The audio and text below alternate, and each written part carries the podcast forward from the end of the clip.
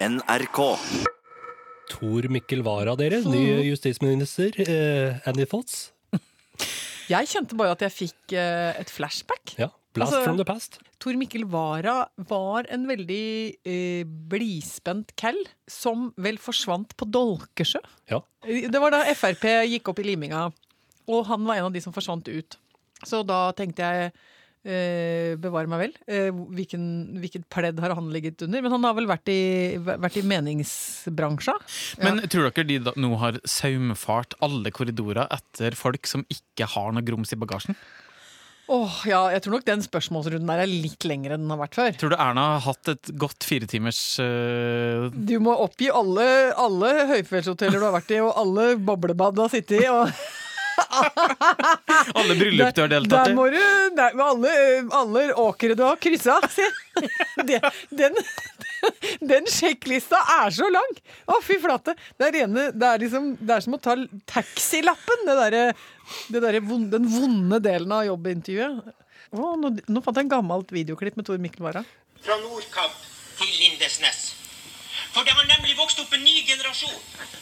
En ny generasjon med unge mennesker som ikke hører etter på hva autoritetene i presse, på skolevesen, i NRK og de andre politiske partiene sier. Er det lov å si Litt ut som en sketsj! Koselig å få høre. Var sinna mann på landsmøtet. Ja ja, men sånn var det med det. Vi ønsker Tor Mikkel Wara lykke til.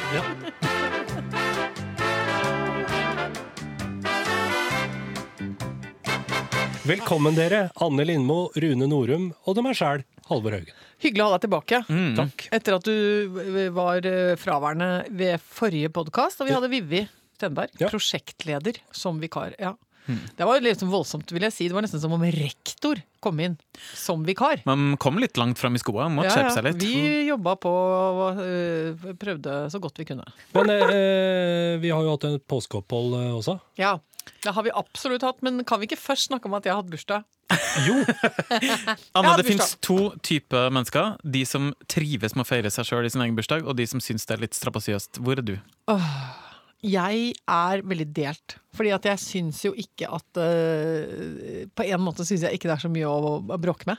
Og særlig ikke nå sånn 48. Altså, det er jo ingenting. Det er liksom så maksimalt uinteressant og urundt som det går an å få det, liksom. Jeg syns det sjuende, åttende og niende året i hvert tiår er trøttende. Ja, og det er sånn at jeg blander Jeg lurer, jeg må regne etter og sånn, hvor gammel jeg blir og sånn. Eh, og jeg holdt på å glemme det, for at jeg har vært så opptatt av at vi skulle på hyggelig påskeferie. Så det lå liksom som en sånn forventningsklase av godhygge fremover.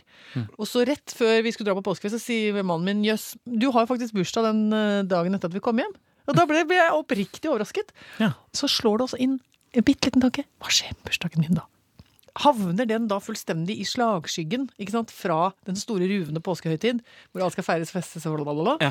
Og så kommer det, ming, kommer det en liten bursdag. Så det er som å ha bursdag første nyttårsdag. men så, nå, men nå skal det jo sies at du eksplisitt eh, ba om at du ikke ville ha noen type feiring på arbeidsplassen eh, for vi snakket sammen dagen før, Ja. og så kom jeg innpå og sa sånn Ja, for jeg har bursdag i morgen. Og da merker du, da driver jeg jo og svinser med svansen, Ja. så jeg vil jo si det til deg. Å, jeg har bursdag. Så det er jo noe inni meg som har lyst til å si Ja, og så Mm. sa Du det? i samme åndedrag Men ikke gjør noe ut av det. Ikke gjør noe ut Det er jo, jeg er jo egentlig et veldig tragisk menneske. Jo. Men vet du hvorfor? Vet du hva jeg vil unngå? Som jeg ikke klarer? Det er allsang på kontoret. Eh, At du kommer inn, og så er det hurra. ja, for- ja. en driftig eh, kollega som går fra kontor til kontor og river folk ut av den situasjonen de er, og sier sånn 'Vi må gå og synge for Rune. Vi må gå og synge for Anne. Kom, kom, kom.' For da vet jeg også at mange av de er sånn åh, kan vi ikke Eller altså det, jeg, jeg, Og så har jeg bare rett og slett Jeg får ikke helt eh, Jeg får ikke til å føle noe som helst velvære når folk synger for meg. Men har du et sånt uh, verdig ansikt? Nei.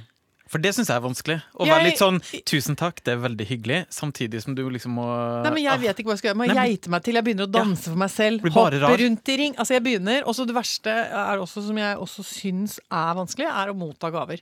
Altså Når noen sier sånn Nå må du nå må du pakke opp gaver! Og så skal alle liksom titalls mennesker sitte og se på at du pakker opp gaver. Da Mhm. får jeg veldig spasmer i fjeset. Jeg pleier bare å rope veldig høyt hva jeg får. For det er eh, Det er en kjempestrategi. ja. Penn! Ja, ja, ja. Oi! Skjær! Sokker! Ja, Fy flate, det skal jeg begynne med. jeg bare begynn med det, for da trenger du ikke å ha noe tenke på hva slags reaksjon du skal ha i ansiktet. Ja. Du bare stadfester det du ser foran deg, og det blir tolka som en positiv reaksjon uansett. Vet du hva, dette skal jeg ah, det Dette er- takker jeg deg for. Nydelig strategi. Det skal jeg ta med meg, for jeg synes, er dere ikke enig at det er en veldig sånn vond eh, man må si, Nei, kanskje jeg ikke ble glad nok. Kanskje jeg ble for glad for det ene i forhold til det andre. Ja. Åh, sånn og sånn og Ja, ja. sånn. Men, eh, men eh, det endte jo med at jeg fikk eh, Skal jeg si hva jeg fikk i bursdagsgave? Ja. Ja, gjør det. En klesbørste. En klesbørste. En god gammeldags rulle. Nei, nei, nei. nei. Fra, fra Tingli-museet i Basel, der hvor jeg på det tidspunktet øh, var. Da, på slutten av påskeferien var vi i Basel, og da uh, sier mannen min til meg Du, nå kan du gå i gavebutikken på museet og velge deg hva du vil til bursdagen din. og, så, Til kvinnen som har alt. Gå i og det er jo veldig ofte veldig fine ting i Nydelige museer er ofte nydelige gavebutikker. Men jeg kjente jo ikke at det var eh, Det røkka jo ikke akkurat eh, i noe lystsenter i hjernen eh, av liksom en 300-siders kunstbok.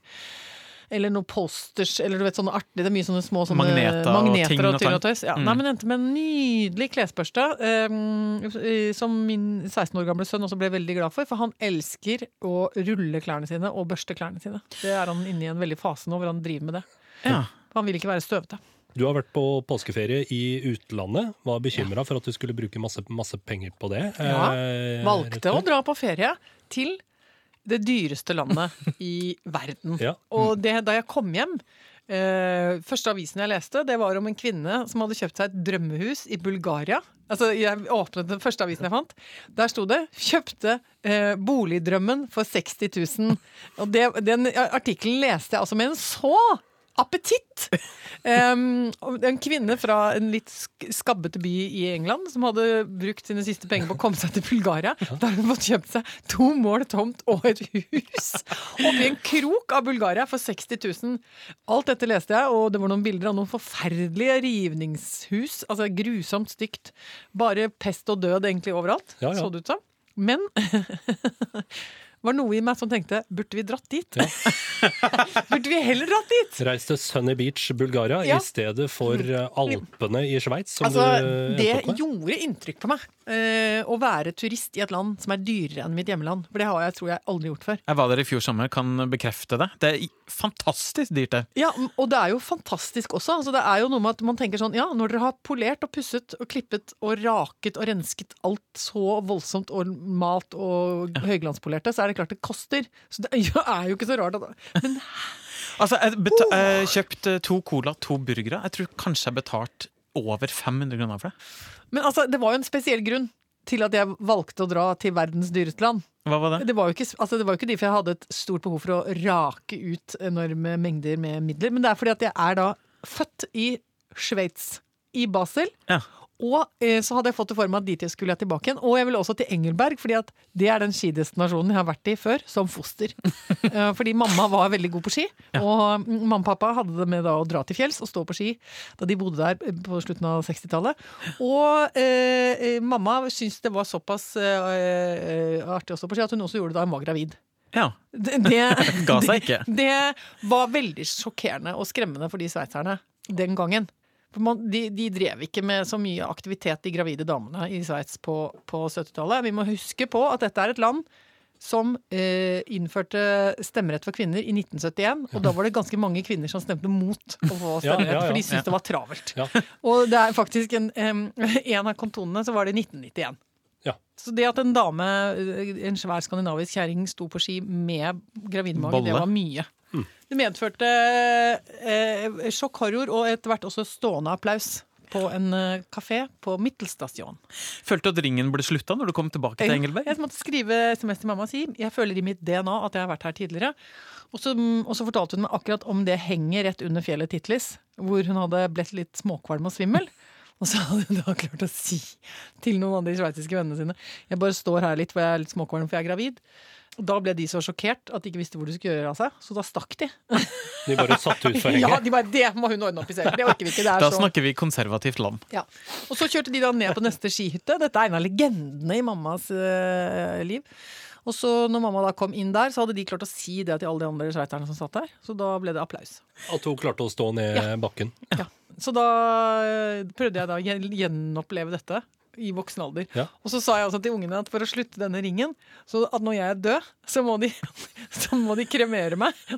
Og så, Og send, de, send deg utfor. så må de ta med urna til Engelberg.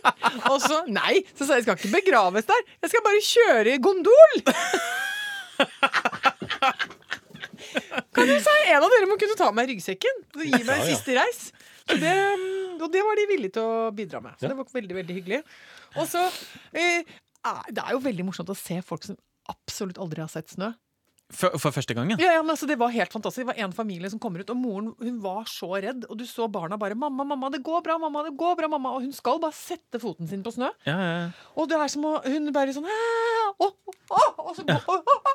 og så begynner hun å gå ut i snøen og bare ler og ler og ler. Og de tar bilder og tar bilder og tar bilder. Og, tar bilder, og da har de bare kommet til mellomstasjonen. Så skal de inn igjen, og så opp 1500 meter til. Og det var altså en fest og en glede. Og så er det noen som går helt apeshit og begynner å kaste seg i snøen med pelstøfler. Og, og så har de kjøpt seg sånne suvenirtoppluer hvor Ja. det står liksom 'I love Switzerland'. Og så ligger de og holder det på! Og, så begynte jeg hvordan kan jeg gjøre denne dagen enda morsommere? Så da eh, tok jeg, eh, hadde et spesielt godt møte med en gruppe kinesiske damer. De var altså så rike.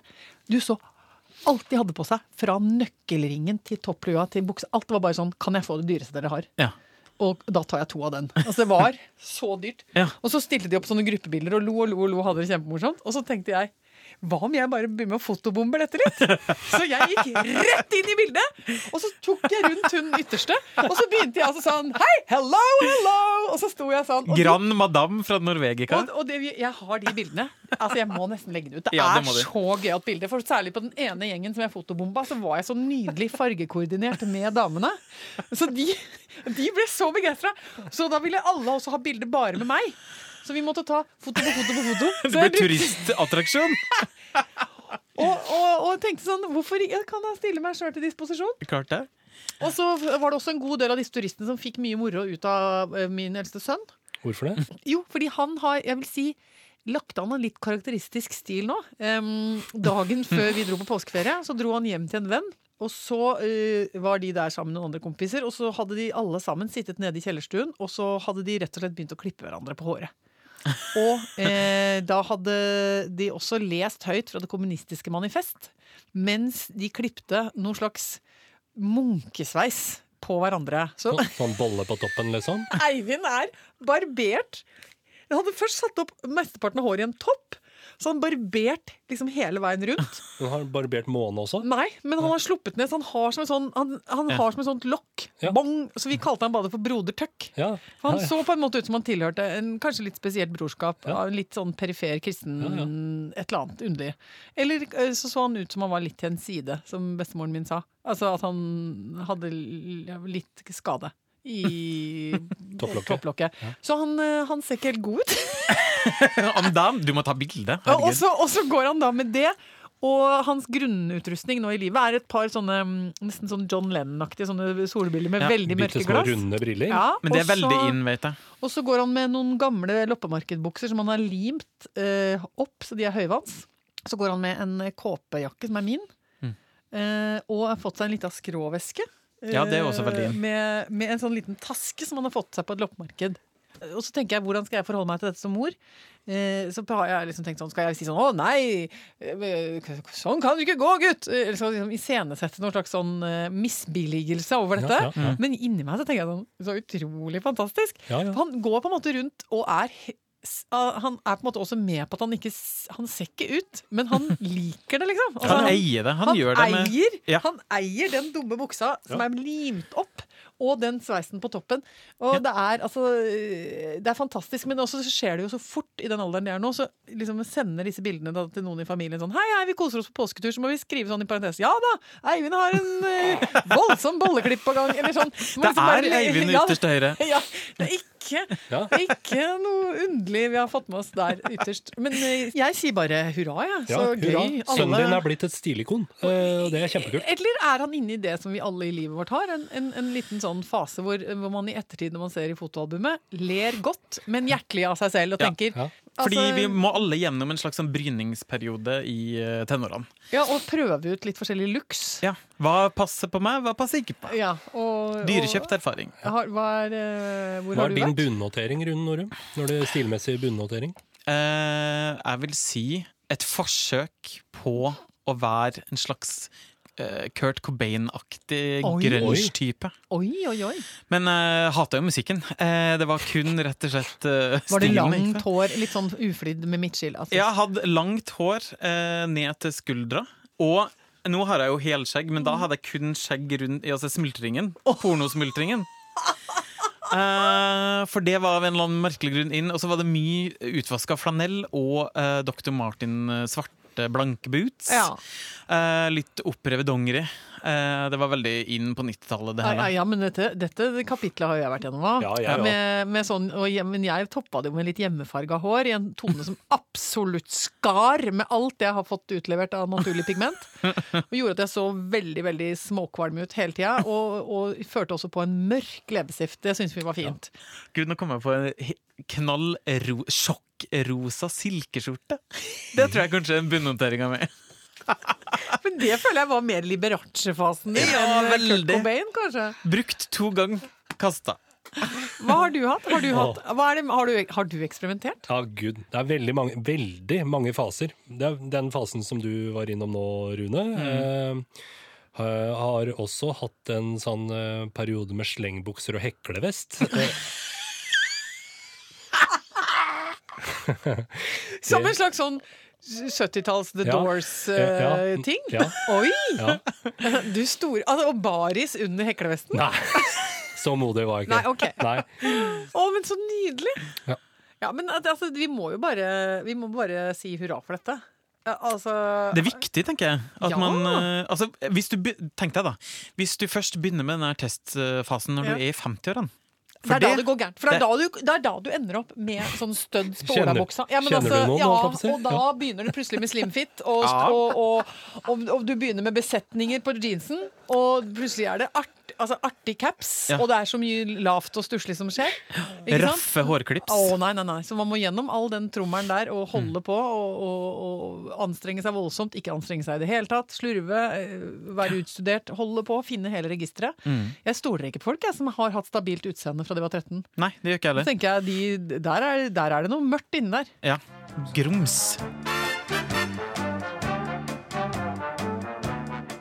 Nå kommer Vivi.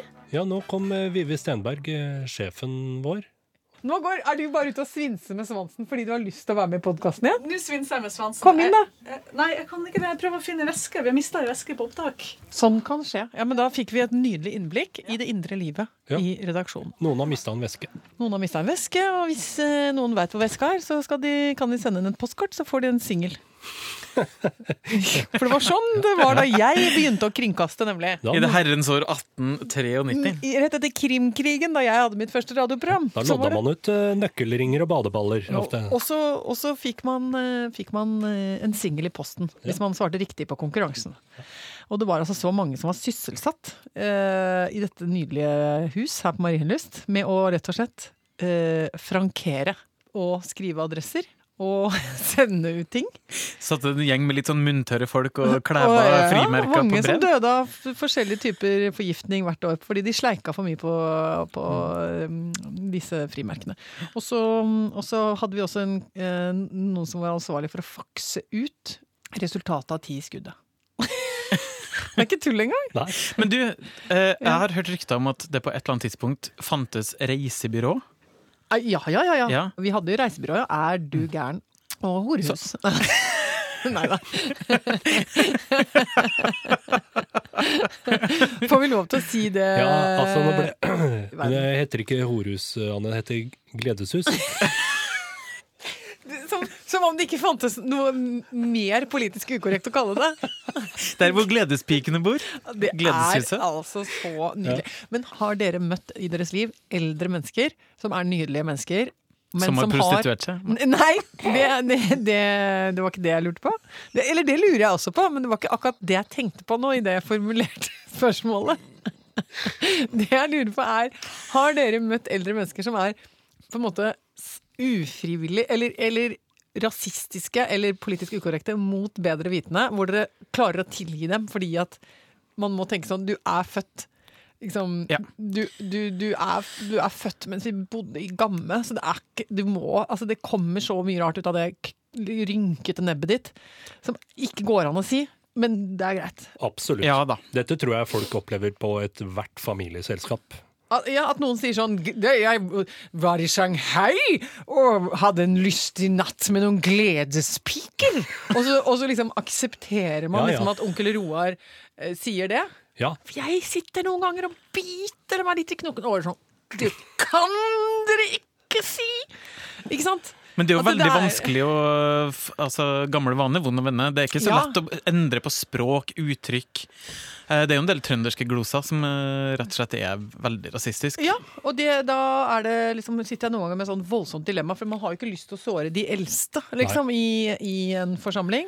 Men samtidig så mener jeg sånn, bare fordi du er liksom blitt 89, så Ja. må det jo være mulig å korrigere litt grann setningsoppbygging og ord, ordvalg. Og så ble jeg også litt irritert av setninga Ja, det var det vi kalte det den gangen. det var det vi kalte det før, skjønner du! Ja, det hjelper jo ikke. Nei, det er fortsatt like stygt. Ja, så der Men det er jo- eh, det er jo få som liker eh, det mennesket i, i selskapet som hele tida skal arrestere andre. Og, og på en måte ta luven av alle historier ved å påpeke at det er ugreit. Du må la ting fare og skure. Jeg vet hva, nei, jeg satte ned foten fordi at skal, jeg, jeg, jeg var nemlig i en forsamling hvor det var noen godt voksne menn, da, for å si det sånn. Mm. Så var det en av de som sa sånn, jo, men noen av disse pi... Da snakket vi plutselig om metoo, da. Mm. Noen av disse pikene nyter det jo litt òg. og da eh, Ok, da er Jeg- Lov å rekke opp hånda, da. Da er det lov til å rekke opp hånda. Det må Da må bare jeg bare si sånn eh, Kan vi først ha et seminar på tre timer hvor vi går gjennom Ja. eh, de reelle problemene knyttet til dette her? Og så etter det så kan en av dere få lov å si det er noen av disse pikene som har litt glede av oppmerksomheten også. Da er det innafor. Ja. Og da ble det litt dårlig stemning. Det blir jo litt dårlig Så måtte vi ha en dram. Men hadde vedkommende vært 93, så hadde du latt det fare, eller? Eh, nei. Altså, dette var jo godt voksne folk. Hvis det hadde jeg- vært i slekt, da. Ja, det er dette som er vanskelig. Det, noen ganger er det ikke godt å si hvordan man hadde reagert, men, men jeg er noen ganger litt villig til å være hun liksom hun derre ras, liksom raspekjerringa som liksom lager vond stemning for å, for å liksom få loggført at uh, her ble det sagt noe som ikke jeg kan leve med. Det er det vi på kontoret kaller kvinner med veiskrape. Ja. Som rett og slett må Det er meg. lage litt vei i vellinga. Ha det, dere. Ha det! Ha det!